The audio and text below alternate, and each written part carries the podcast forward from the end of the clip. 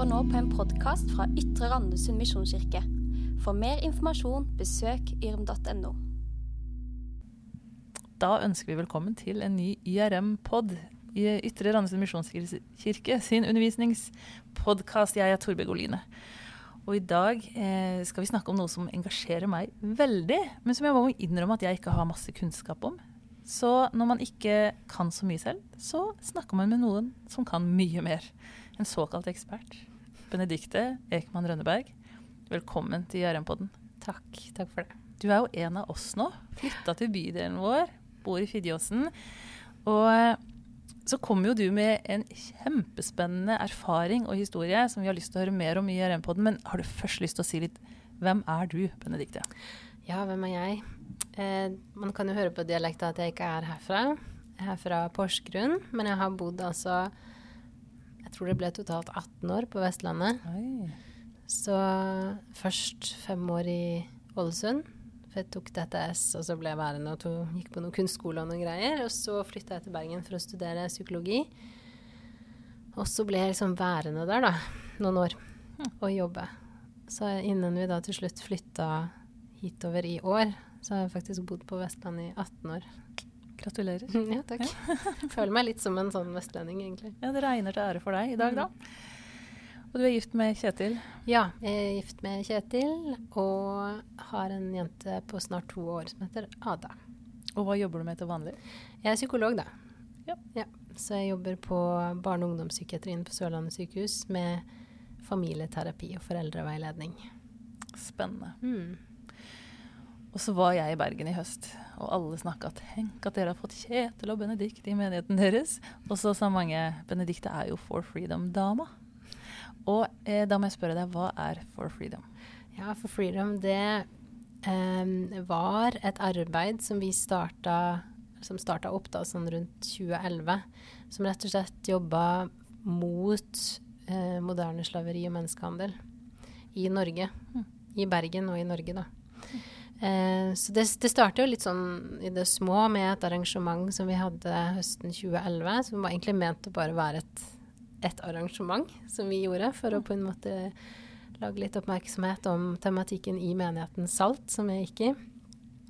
Og så ut fra det så ble det født et uh, engasjement da, i menigheten som førte til at, uh, at dette arbeidet som vi kalte For Freedom, som eh, til slutt omhandla både at vi, vi hadde en del sånne arrangementer videre. Da. Vi hadde jo årlig et stort arrangement eh, som het For Freedom-aksjonen da, etter hvert. Som innebar bl.a. et sånt eh, støtteløp og Shopping for Freedom, som vi fortsatte med. Så vi hadde liksom en del sånne små eventer da, som var knytta til da, denne aksjonen. Eh, så det gjorde vi årlig. Eh, men i tillegg til det så drev vi også eh, mye informasjonsarbeid. Eh, en del sånn mm, foredragsvirksomhet. Vi var rundt på skoler og underviste om dette. Og så lagde vi faktisk også et, eh, et undervisningsopplegg som lærere kunne laste ned da, gratis. Nå er det jo sikkert litt utdatert, men det var ganske det var ganske mange som brukte det. Um, det lå på nettsidene våre, så kunne de laste det ned og bruke det i undervisningen sin. Lærere uten å ha noen sånn spesielt forhåndskunnskaper. Og så, eh, jobba vi også med ofre for menneskehandel da, i bergensregionen. Eh, og det var ikke sånn at vi gikk ut på gata og på en måte redda de sånn direkte. Ble, de ble henvist til oss fra politi og bistandsadvokater og krisesenter, da, som regel. Men vi har faktisk opplevd noen walk-ins også, da, eh, på Saltkontoret. At noen hadde hørt noe om at den kirken der de holdt på med, holdt på med noe sånt, og så kom de på kontoret der og ba om hjelp. Oi, Selvfølgelig ikke så veldig vanlig, men det skjedde. så spennende. Ja. Dette er en utrolig, eh, for meg egentlig litt sånn skjult og trist problematikk, som jeg tenker at det er rart vi ikke snakker mer om. Men denne uka, 13. til 20. november, er det global uke mot moderne slaveri. det er det Norges kristne råd som egentlig liksom hoster eller promoterer. Men det er mange kristne organisasjoner og menigheter som denne uka har lyst til å liksom sette spotlighten på menneskehandel og moderne slaveri. Og så er det noen organisasjoner som har jobba mye med det. Men så er det også noen som bare er enkeltmennesker som får et engasjement. Og ut ifra ditt engasjement, Benedicte, så blei det da noe som het For Freedom. Mm. Som eh, nå har gått inn i noe som heter Hope for Justice. Stemmer. Det kan vi si mer om etterpå. Men hva var det som trigga deg til denne problematikken? Ja, det, eh, det var kanskje litt gradvis, men det var også eh, noe veldig konkret som skjedde. For jeg eh, visste jo ingenting om det, selvfølgelig. Altså, som de gjør for de fleste. De vet ingenting om det, og så plutselig kommer de over Ramler de over det på et eller annet vis. Eh, men jeg, det var faktisk mens jeg bodde i Ålesund, før jeg flyttet til Bergen. Så tilfeldigvis så, så jeg en film som het 'Lilja Forever'. Vet ikke om du kjenner til den? Mm. den det er en sånn film fra tidlig 2000-tallet ja. som handler om en jente fra Øst-Europa som blir eh, trafikkert til Sverige. Og at den gjorde sånn inntrykk på meg. For det var liksom noe med hvor nærme det var. Da. Det var jo en, det var liksom i Sverige. Det var, jeg tror det var fra typ, sånn Latvia, Litauen eller noe sånt hun kom fra. Og det var så virkelig. Og jeg skjønte jo det etter å ha sett filmen, at jeg googla litt og Ikke at det var så mye om dette på internett på den tiden, men det var nok da til at jeg skjønte at uh, dette her er jo faktisk en ganske omfattende global problemstilling. Um, fant mye informasjon om det på nettsidene til FN, blant annet. Jeg Leste mye om det der. Men det jeg ikke fant informasjon om på det tidspunktet, var noen organisasjoner som jobba med det. Da var det liksom Det var ikke sånn at man kunne google, og så fant man alle disse organisasjonene som finnes nå. Det fantes ikke da. Mange av de organisasjonene som nå jobber med moderne slaveri, de kom jo til sånn utover 2000-tallet. Eh, og det kan godt være mange fantes da òg, men de hadde i hvert fall ikke gode nettsider. så, så, så, da ble jeg jo litt eh, Hva skal jeg si? Ble litt sånn motløs og la det liksom litt fra meg. For det opplevdes ikke som noe som de kan gjøre noe med, annet enn å vite at det eksisterte. Og så et par år senere så flytta jeg til Bergen for å studere. Så begynte jeg i Saltkirken.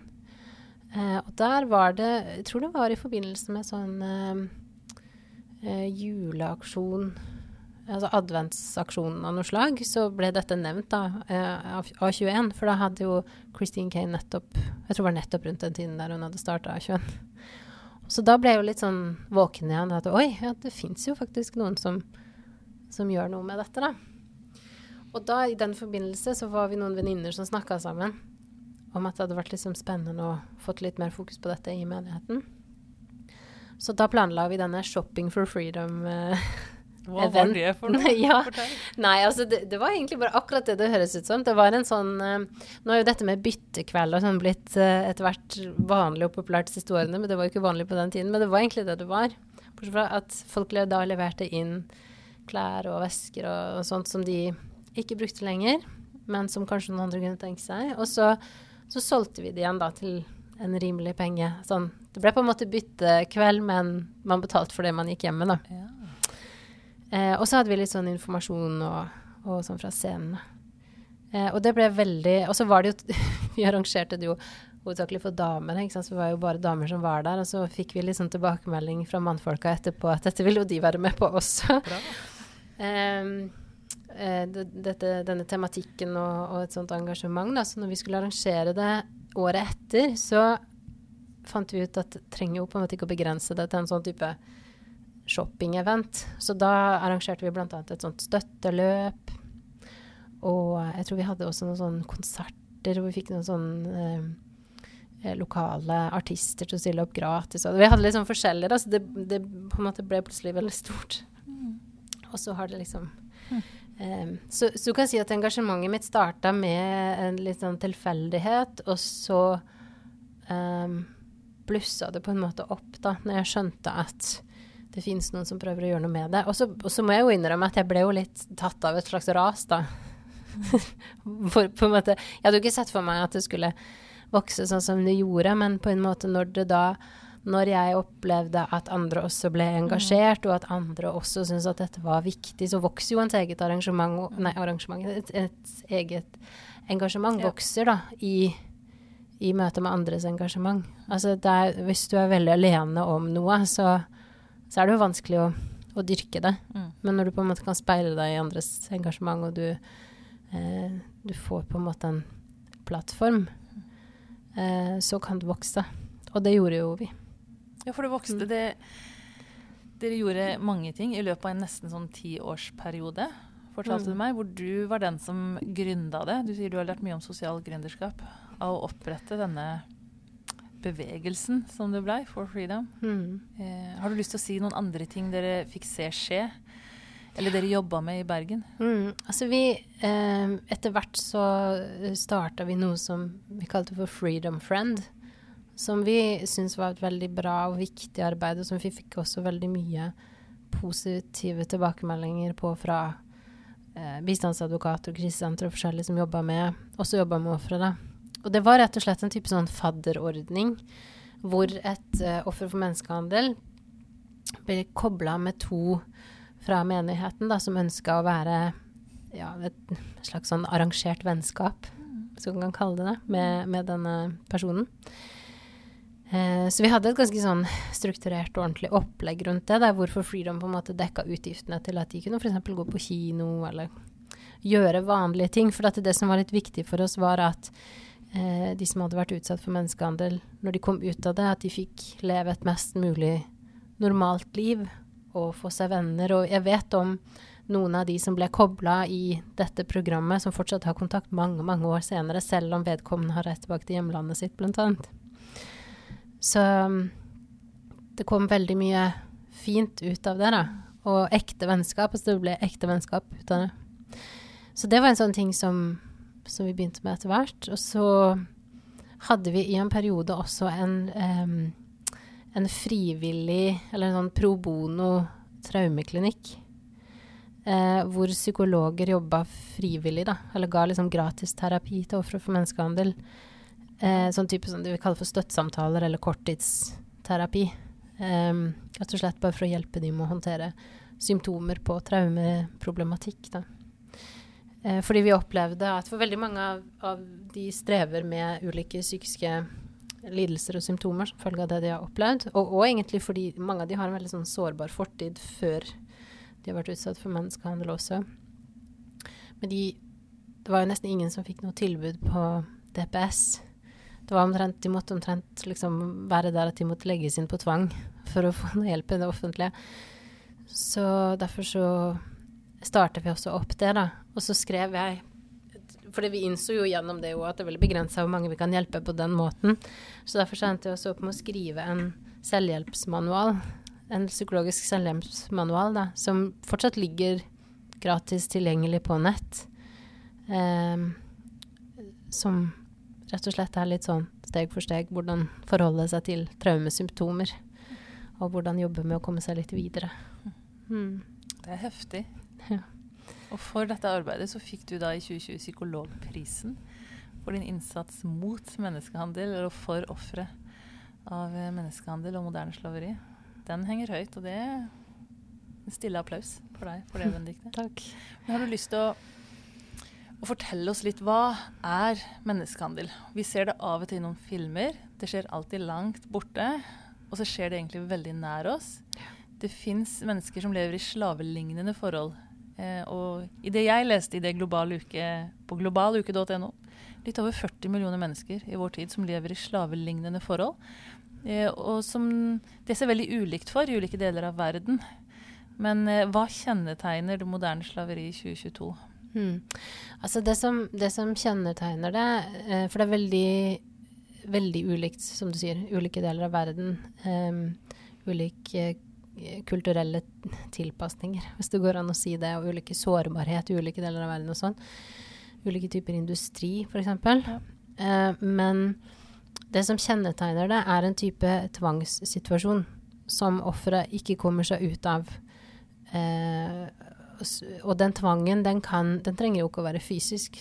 Den kan være det. Den kan være fysisk, en type sånn innesperring, men men i de aller fleste tilfellene så er det så åpenlyst og vanskelig å identifisere for, de, for forbipasserende f.eks. For fordi tvangen er mer psykologisk eller økonomisk. eller sosial. Ja. For eksempel type sånn um, En del land fra midtre delen av Afrika så bruker de mye voodoo for å kontrollere ofrene.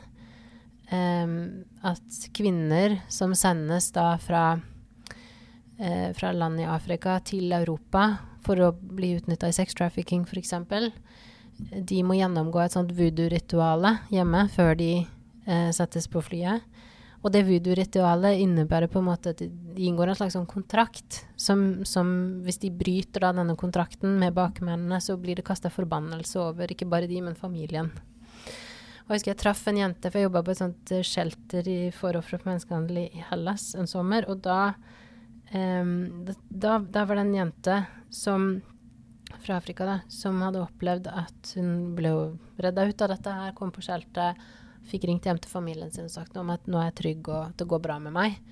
Og så ble svaret du må gå tilbake, for, for bestemor er, er død. Eh, Og det er din feil, så nå må du gå tilbake før det skjer noe dårlig med flere av oss. da. Så, så det er liksom den typen tvang som blir brukt. Og i, i andre kulturer så kan det f.eks. være sånn familiens ære. Um, I noen deler av Sørøst-Asia så er det jo faktisk en del som opplever å bli trafikkert av familien sin. Og at hvis de ikke liksom um, føyer seg, gjør som de blir sagt, så, så um, går det utover familien da, eller familiens ære. Så det er mye Men det er klart det er også mye fysisk kontroll, vold, den typen ting. Altså sånn psykologisk underkastelse, rett og slett, av uh, frykt for eget liv. Uh, men, men det er ikke alltid så lett å identifisere, fordi de f.eks. For flytta til et annet land. Bakmennene har tatt pass og visum. Det er ikke så veldig lett å komme seg ut av en sånn situasjon. Du har ikke noe penger, du har ikke pass, kan ikke språket. Du blir fortalt at du ikke kan stole på myndighetene, at hvis du går til politiet så blir du kasta i fengsel for du er i landet ulovlig. Så det er mye sånne teknikker da, som blir brukt for å, å kontrollere ofrene. Og det, så, så på en måte, det, det kan se litt ulikt ut, men det som på en måte er felles for moderne slaveri i ulike industrier og ulike deler av verden, er jo nettopp denne tvangssituasjonen som de ikke kommer ut, seg ut av. Da. Og noen har jo blitt solgt inn i det, familien sin, pga. fattigdom og sånn. Noen har gått inn i det kanskje nesten litt halvfrivillig fordi alternativet var å sulte i hjel, eller at ungene skulle sulte i hjel. Um, men, men, det som er felles, er at de kommer seg ikke ut av det. Mm. Og de blir utnytta til noen andres vinning. Det er jo felles, ikke sant. De produserer noe som noen tjener noe på. Og det er derfor ikke de vil la de slippe, ikke sant. Og så sa du at i all hovedsak så eh, er det kvinner og jenter. Og selvfølgelig også menn og unge gutter. Men Mm. eh, i hoved, eh, hovedvekten er på unge kvinner og voksne damer. Mm. Mm. Og det handler jo igjen om hvilke type industrier og si, samfunnsområder hvor det er vanlig med moderne slaveri. Eh, og det er jo mye, mye av grunnen til at det er mye jenter og, og kvinner, er jo fordi det er mye sex trafficking. Um, jeg mener å, nå kan det være jeg ljuger, men jeg mener å ha lest at bare i Kambodsja så er det over 200 000 barn i sexindustrien. Så når det kan være så mange i bare ett land, så skjønner man på en måte hvordan disse tallene kan bli så store, da. Em, så jo, du har jo liksom sexindustrien, som sagt. Og når jeg sier sexindustrien, så mener jeg ikke kun prostitusjon. Da mener jeg også pornografi. Veldig mye pornografi som blir produsert, er rett og slett menneskehandel. Og overgrep mot barn og sånn, for det faller jo inn under samme kategori. Overgrepsmateriale. Um, og så har du i tillegg Det er jo utrolig mye, mange kvinner som, øh, som også er fanga i det vi kaller for sånn eh, domestic slavery, eller sånn husslaveri, da, rett og slett. At de er husslaver. Um, driver husarbeid, gjerne litt seksuelle tjenester til husets herre, passer barna, som sånn type ting. Uh, og det er det jo mer av i enkelte deler av verden enn andre. Men det finnes også i Norge. Mange au pairer som egentlig er rett og slett eh, husslaver. Og jeg har møtt en sånn sjøl i Bergen. På Bergens fineste område. Dyreste og flotteste område av byen. Der var hun innesperra. Hun kom fra Sørøst-Asia og, og ble rett og slett ut Hun ble trafikkert av sin egen familie, da. Sine egne søstre. Um, og når hun da prøvde å komme seg ut av det, så ble hun jo trua. Og det var hennes egen familie. ikke sant? Så det kan se veldig ulikt ut. Det kan det. Men så i tillegg så er jo også eh, kvinner overrepresentert i en del eh, industrier. Altså sånn klesindustrien, fabrikker, sånne eh, sweatshops f.eks. i Asia. Så det at det er mest kvinner og jenter som er moderne slaver, det er ikke så veldig rart, egentlig. For det har noe med hva slags type industrier de blir utnytta i. Men det er klart det er mange gutter og, og menn òg, men de blir jo brukt kanskje mer sånn fysisk arbeid mer. Selv om det finnes jo selvfølgelig i sex trafficking og huslaveri og den typen ting. Men det er mest jenter og kvinner, da. Og så har vi jo så lyst til å tro at dette skjer i alle andre mørke kroker av verden. Men det skjer her. Det skjer Mm. i Kristiansand by. Mm. Hvordan kan vi se etter eller gjenkjenne at det også skjer rundt oss? Hva skal vi se etter? Mm. Ja, det er jo det som er en utfordring, ikke sant. Det er så åpenlyst at det er vanskelig å se det. Hva mener du da? Nei, altså det, det jeg mener er at eh, altså, eh, Han som er statsadvokat eh, ved politiet i Bergen, som heter Rudolf Christoffersen, han er jo den mest erfarne politiadvokaten i Norge. Han er han som har fått flest dommer på menneskehandelfeltet i Norge. Og han pleier å si det at du ser det ikke før du tror det. Em, at du må tro at det kan skje, før du faktisk klarer å gjenkjenne tegnene på det. For det er så åpenlyst. Altså det er ikke sånn at at i Norge så har slaver fotlenke og piskemerker på ryggen. Ikke sant? Det, det, er, um, det er kvinner og menn fra Øst-Europa som jobber i vaskebransjen, i restaurantbransjen, eh, i vaskehaller, eh, altså bilvaskehaller, eh, som jobber som au pairer. Altså det er Og mye svart arbeid. Vel, I Norge så er det mye menneskehandel skjult i svart arbeid faktisk. Men det trenger ikke å være det heller, faktisk. Det kan være I byggebransjen så har det jo vært avdekt ganske mye menneskehandel via sånne eh, underleverandører, da. Av arbeidskraft. Du har en eller annen sånn stor byggherre som skal ha et svært byggeprosjekt. Det har vært en del saker om dette i Oslo. Så henter de inn en eller annen eh, sånn bemanningsbyrå som henter folk fra Øst-Europa, og så vet ikke byggherren at, at det er eh, slavekontrakter, da, som de kaller det. De blir f.eks. får tilbakeholdt lønn, bor på noen sånne lugubre brakker utafor byen et eller annet sted, har ikke tilgang på passet sitt, visumet sitt, disse tingene her, da. Så vi kaller det slavekontrakter. Det er på en måte en slags kontrakt der, som kan se legitim ut, men det er slavekontrakter. Så det som er vanskelig for oss vanlige nordmenn er Og jeg kan masse om det her, men jeg er helt overbevist om at jeg har gått forbi veldig mange ofre for menneskehandel uten å gjenkjenne det. Um, det er lettere å gjenkjenne f.eks. en tigger på gata eller en kvinne på gata en sein lørdagskveld. Det tror jeg på en måte mange kan se og tenke at der er det kanskje noen form for utnyttelse. Men brorparten av den utnyttelsen som skjer i Norge, er så åpenlys at vi klarer ikke å gjenkjenne det. Hva skal vi gjøre da? Hva skal vi gjøre hvis du får noen sånne eh, røde flagg? Ja.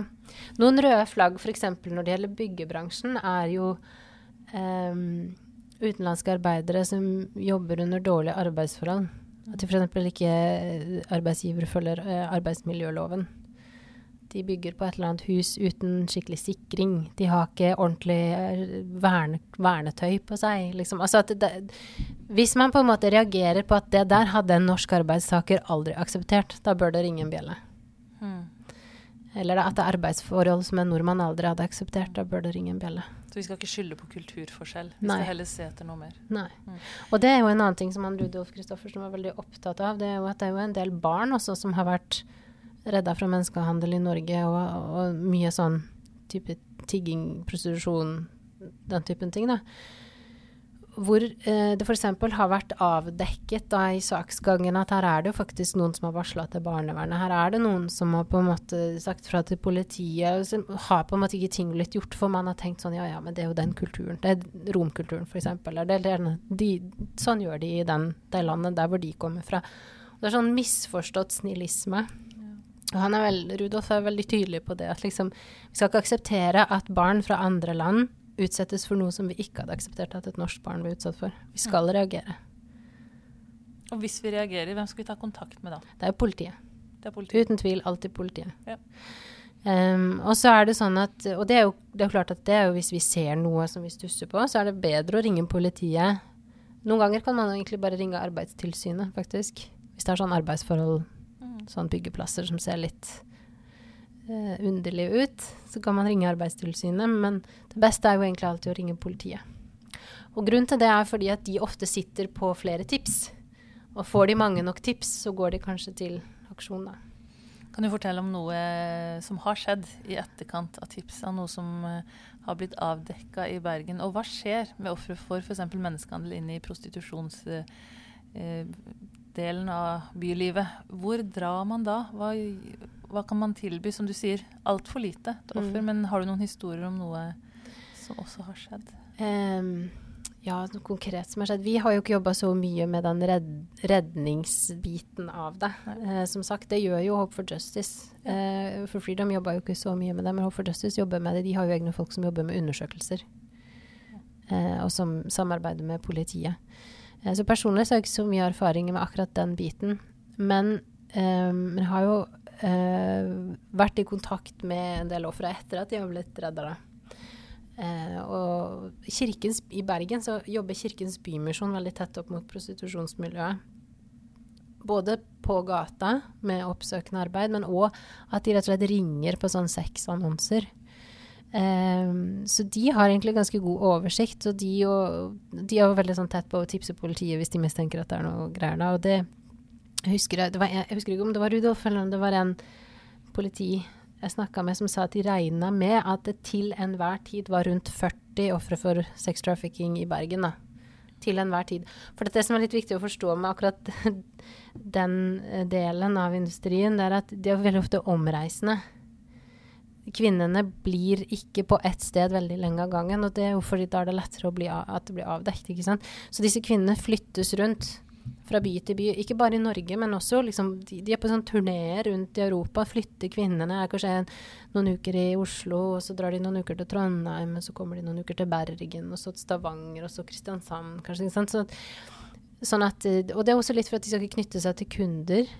For veldig mange tips kommer fra kunder, sant? som syns hun virka litt ung, eller hun der virka ikke som hun hadde det helt greit, eller sant. Sånn at det er også for å hindre De blir flytta rundt for å hindre at de etablerer kontakt med folk, som gjør at det er lettere å, å avdekke. Mm. Det er heftig. Ja, det er det. I eh, talen min om å forenkle livet, eller å forene seg egentlig med Jesu Kristi interesser i verden, som Edin Løvaas har sagt, så var liksom mitt, min inngang i det at vi trenger å forenkle livet vårt. Og så er vi jo utrolig glad i å være opptatt av oss sjøl. Og hvis det gagner meg å rydde i skapet, så gjør jeg jo gjerne det. Men så var mitt poeng at det må først og fremst være en respons på å ha møtt Jesus. Mm. Og at hvis jeg skal rydde plass, så er det plass til han. Og hvis jeg skal forenkle livet eller tenke mer over hva jeg kjøper, så skal ikke det bare være for å liksom klappe meg selv på skuldra på å være en fornuftig forbruker. Det er veldig moderne nå i 2022. å Være fornuftig forbruker. Men jeg tenker jo nettopp med denne tematikken høyt oppe, Mm. så er det jo ikke for min skyld at jeg må bli en bevisst forbruker. Eh, det er jo ikke for min skyld at jeg skal benytte forbrukermakten. Men jeg kan jo eh, være bevisst på hvor min genser er laga, eller hvor mitt tøy kommer fra. Ehm, og hva tenker du om det? Hvordan liksom Det å være en Jesu etterfølger inn i denne tematikken, hva, hvordan utfordrer det oss? Hmm. Ja, det har jeg tenkt mye på, faktisk, gjennom, uh, gjennom åra. Fordi um, jeg har jo fått sånn spørsmål av og til sånn hvordan orker du å holde på med det her? For det er tungt, det er jo tung tematikk, og, og det er tungt å holde på med når man på dagen jobber med sårbare mennesker som psykolog, og så på kvelden så skal man jobbe med også sårbare mennesker, men bare på en litt annen måte. Og det er tungt, men jeg har nok alltid opplevd det litt som et uh, slags kall, da. Kanskje litt på samme måten som noen kan oppleve kall til å bli misjonær eller pastor, f.eks. At dette opplevde jeg som mitt kall. At det, det, jeg har aldri opplevd at dette var noe som jeg bare fant på fordi det var gøy. At jeg opp, har nok opplevd at dette er noe Gud har kalt meg til. Eh, og at ehm, det, er noe, det er noe av meningen at jeg skal eh, på en måte holde på med dette her. Da. Bruke det jeg kan eh, som fagperson og bare som menneske. Um, men i forhold til å bruke, bruke forbrukerstemmen sin og forbrukermakten sin, så tenker jeg det er veldig mye man kan gjøre eh, som kanskje fordrer litt kunnskap, da. Også, og, og det, er, det, er, snakk om enkle ting, ikke sant. Så er det jo ikke, det er ikke noe sånn snakk om at du skal aldri kjøpe et klesplagg igjen i hele ditt liv. sant? Men det finnes jo åpenbart når vi er jo først inne på dette med klær, så finnes det jo åpenbart eh, kleskjeder som benytter seg av veldig dårlige arbeidsforhold. Og det, det, er jo bare å se på prislappen, så skjønner man det. Eh, T-skjorter og singleter til 49,90 f.eks. Så det bør ringe en bjelle, da. Det, det er ikke billig bare fordi kvaliteten er dårlig, det er billig fordi noen ikke får betalt. Um, og, men sånn er det jo selvfølgelig med andre ting òg, ikke sant. Altså, at, at hvis vi tenker oi, det var veldig billig, uten at det nødvendigvis er på tilbud, f.eks. Mm. Men Så jeg tenker jo sånn um, det, Dette er en vanskelig balansegang, for det er jo mange som jobber på dette feltet som mener også at vi må ikke bare, må ikke bare slutte å kjøpe alt som kommer fra utviklingsland heller, for da går jo hele landet til grunne, på en måte, hvis det stopper økonomien opp. Men samtidig så skal vi jo heller ikke støtte den utnyttelsen som skjer i andre steder av verden. Så jeg tenker at som forbruker så kan man jo være litt klok det går an å, på en måte gjøre ikke veldig mye, men bitte lite grann research på fins det klesmerker som har en mer etisk produksjonslinje. Det er mange klesmerker som har det. Um, veldig fint klesmerke som heter People Tree. Det er den britisk uh, som har De veldig sånn trendy, fine klær. Uh, godt utvalg. Men de produserer klærne sine på en etisk måte. Så det er litt dyrere, det er dyrere enn Hennes Maurits, liksom. Men det er ikke så dyrt at du blakker deg på det. Eh, og så finnes det jo skomerker og jeansmerker, forskjellige, da, som på en måte nesten har liksom spesialisert seg litt på å produsere etisk, både med tanke på miljøet, men også mennesker. Um, og så går det jo an å, å støtte lokal industri. Kjøpe norskproduserte, skandinavisk produserte ting. Jeg tenker at Da skal det veldig mye til at det er slavearbeid involvert. Kjøper du en en uh, glass fra liksom Hadeland, så er det nok mest sannsynlig produsert under helt greie forhold. Uh, men kjøper du veldig billig glass i en eller annen sånn nipsebutikk som står 'Made in China' på, så er du på en måte ikke garantert at det er produsert under greie forhold, da. Uh, så, så, det er nå det ene. Men jeg husker jeg nevnte jo for deg han Kevin Bales, han som er professor i moderne slaveri. Han har også nevnt det at egentlig når det gjelder produksjonslinjer og slaveri i produksjonslinjer, så er forbrukeren den som har minst ansvar. Men det betyr ikke at vi er fritatt, ikke sant. For de som har mest ansvar, det er politikere, eh, bedriftseiere eh, som tillater at dette skjer. Som ikke implementerer lover. Nå har vi faktisk fått en del lover i Norge det siste året, som, som eh, åpenhetsloven bl.a., som trådte i kraft nå i sommer, som er en sånn eh, veldig viktig tiltak da, for at eh, norske bedrifter må rapportere på, om, på ikke bare hva de sjøl produserer, men også på hva underleverandører har av arbeidsforhold og den type ting. Sånne ting er veldig viktig, men sånne ting hadde ikke kommet på plass hvis ikke det hadde vært for eh, interesseorganisasjoner og enkeltmennesker som hadde lobba i mange år for å få det til å skje. Der har fremtiden i våre hender bl.a. vært veldig veldig viktig for å få på plass den loven. Men det som, så forbrukermakten er jo på dette feltet som på de fleste andre felt. Eh, du, du, kan snakke med pengene dine. Sant? Hvis du velger å ikke kjøpe et produkt fra eh, et, eh, en bedrift eller et merke som du tenker opererer med et eller annet som ikke er eh, etisk eller moralsk riktig, og mange nok gjør det, så sender det et tydelig budskap. De blir tvunget til å endre strategi. Ikke sant? Så jeg tenker at vår um, forbrukermakt, eller måten vi bruker penger på, det handler om flere ting. Det handler både om å sende et budskap til de vi kjøper det fra, at dette er ikke greit. Så handler det også om vår egen på en måte samvittighet. Da vil jeg ha masse klær i, i klesskap som er produsert av barneslaver i Bangladesh. Jeg vil jo ikke det. Jeg vil jo helst ta på meg en genser og tenke at denne her, denne kan jeg gå med med god samvittighet. Mm. Um, og så er det jo også noe med liksom, hva slags samfunn er det vi er med å bygge, da. Mm. med måten vi bruker pengene våre på, eller velger å ikke bruke pengene våre på. Det er jo Vi er med på på en måte å skape fremtiden ved eh, måten vi bruker pengene våre. Mm. Dette syns jeg vi skulle snakke mye mer om. Og litt det å I det sitatet å forene seg med Jesu Kristi interesser i verden, så er jeg så utrolig sikker på at Jesus som sier at han kommer for å sette undertrykte fri, mm, sette fanger fri, så har vi så lett for å tenke på vår egen enten opplevelse av å være undertrykt, eller områder hvor vi helt reelt ikke føler oss fri. Og så er det helt bokstavelig mm. at han også ønsker å rope til et nådens år for mennesker som faktisk er både undertrykt og bundet og ikke fri. Og at ved å bli med på det, så tenker jeg kanskje at vi blir en mer troverdig kirke. Mm. Jeg tror at fremtidas kirke er en diakonal kirke. Mm.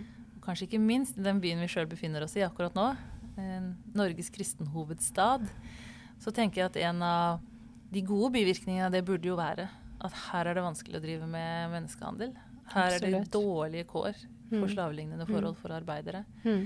Men da må vi som eh, ønsker å følge Jesus, eh, også se etter og bruke det blikket som han hadde for mm. men så gjøre noe med det. Mm. Og jeg tenker jo, apropos det der med å ha påvirkning, da. Ikke bare som forbruker, men bare som, som individ og som menighet. Det er jo nettopp dette med å legge press på politikere. Altså vi fikk jo Bergen fikk jo et av eh, altså Det var jo en av de første byene i Norge med egen altså kommunal For vi har hatt nasjonal handlingsplan mot menneskehandel i en god del år. Men Bergen var en av de første byene som hadde en kommunal handlingsplan mot menneskehandel. Og det var jo for Freedom med på å påvirke, da. At vi fikk på plass det. Så jeg tenker det sånn man skal ikke undervurdere hvilken påvirkning man faktisk kan ha på det som skjer i eh, sitt eget lokalsamfunn. Man kan få til endringer, man kan få til forbedring av levevilkår. Da. På, på mange andre felt også, selvfølgelig. Men, men, noen må engasjere seg. Ikke sant? Altså, det skjer jo ingenting hvis alle bare liksom, lever dagliglivet og ikke tenker så veldig utenfor egen dør. Mm. Um, så det er klart at um, med den erfaringen jeg har, så vet jeg jo at det, det krever en liten innsats, og man, man, må på en måte kanskje bruke litt energi på å lære seg litt om det. Hvordan er egentlig ståa i vår egen by? Hvordan ser det ut her? Hvem er det som gjør noe? Hva gjør du? Hvem gjør noe? Hva gjør noe? Altså, hva er det som, eh, hva er det som mangler? Hva er det som ikke blir gjort? Eh, men jeg har, veldig, jeg har veldig tro på, og det er jo basert på erfaring også, jeg vet at det nytter, da å, engasjere seg nytter, og faktisk prøve å, å, få til noe og skape noe i sitt eget nærmiljø. Og apropos det du sier om å være en menighet som, som bryr seg, så tenker jeg hvis du leser apostlenes gjerninger, så var jo de første kristne, første menigheten, var, de var jo så sosialt engasjerte. Altså de, det, var liksom ikke bare søndagsmøter og, og bønnekvelder. Det var det var virkelig et stort sosialt engasjement. De tok seg av farløse og enker, og de delte på alt de hadde. Og det var liksom ganske radikalt, egentlig, når du leser det. Så, så jeg har Jeg har en veldig sånn stor tro på at tro og engasjement for andre mennesker, at det går veldig hånd i hånd, da. Og det er du et forbilde for. At du, eh, du lot engasjementet bli handling. Og så fikk du skapt en bevegelse ved hjelp av andre og en menighet som ga et, eh, en plattform og et utgangspunkt for at dette ble et viktig arbeid i Bergen i nesten ti år. Og så fortalte du meg at de da har gått inn i det som heter Hope for Justice, som også jobber aktivt eh, i hele verden, men også i vårt eget land, med å utfri mennesker fra både menneskehandler og slavelignende forhold. Mm. Og hvis noen ønsker å lese mer om de, så har de en nettside ja. Kan også anbefale globaluke.no, som har mye faktainformasjon om moderne slaveri. De har noen filmer som du kan holde deg godt fast mens du ser, og prøve å ikke bli dypt berørt av det som foregår også utenfor vår egen stuedør. Mm. Takk for at du kom, Benedicte. Jeg kjenner vi kunne prata lenge om det, og benytt gjerne sjansen til å ta tak i Benedicte og spørre. Og jeg håper egentlig at denne praten kan føre til et litt konkret engasjement fra flere av oss. Eh, og du sa jo dette var et grasrotengasjement. Det, det, var noen hjerter som var bevega. Mm. Og så blei det fra hjerter ut til henda. Mm. Og så var det mange nok hender til at det ble en bevegelse. Mm. Og det er inspirerende. Eh, det er noe jeg tror også byen vår mm. trenger. Absolutt. Og, og ja, det sa jeg jo til deg i stad. Det var jo dette med at jeg tror ikke jeg tror på en måte ikke For Freedom hadde blitt det det hadde blitt hvis, hvis det liksom kun var ledelsen i Salt som på en måte kom med den ideen om at nå skal vi gjøre dette, og nå må noen, nå må noen gjøre dette, på en måte. Men var, vi var en gjeng som hadde dette veldig på hjertet, eh, og som bar det. Men vi hadde heller ikke fått det til på den måten vi gjorde hvis ikke menigheten hadde vært en så stor plattform og så stor støttespiller som det de var. Så dette er jo ting som går litt sånn hånd i hånd, mm. rett og slett. La oss gå hånd i hånd videre på dette. Mm. Jeg har lyst til å avslutte med en bønn. Eh, ifra det som er en av mine favoritt-tidebønnsbøker. Og så blir det siste ord i denne poden som jeg håper har gitt deg noe å tenke på. Herre, vi overgir i dine hender alle som er offer for fordommer, undertrykkelse eller forsømmelse. De som er uønska, de som er svake. Måtte du beskytte dem fra nød og død. Herre, vi overgir i dine hender alle som er hvileløse, syke eller bytte for ondskapens makt. Bevar dem og bevar oss. Vår Herre Jesu Kristi nåde, Gud vår Fars kjærlighet og Den hellige ånds samfunn være med oss alle. Amen.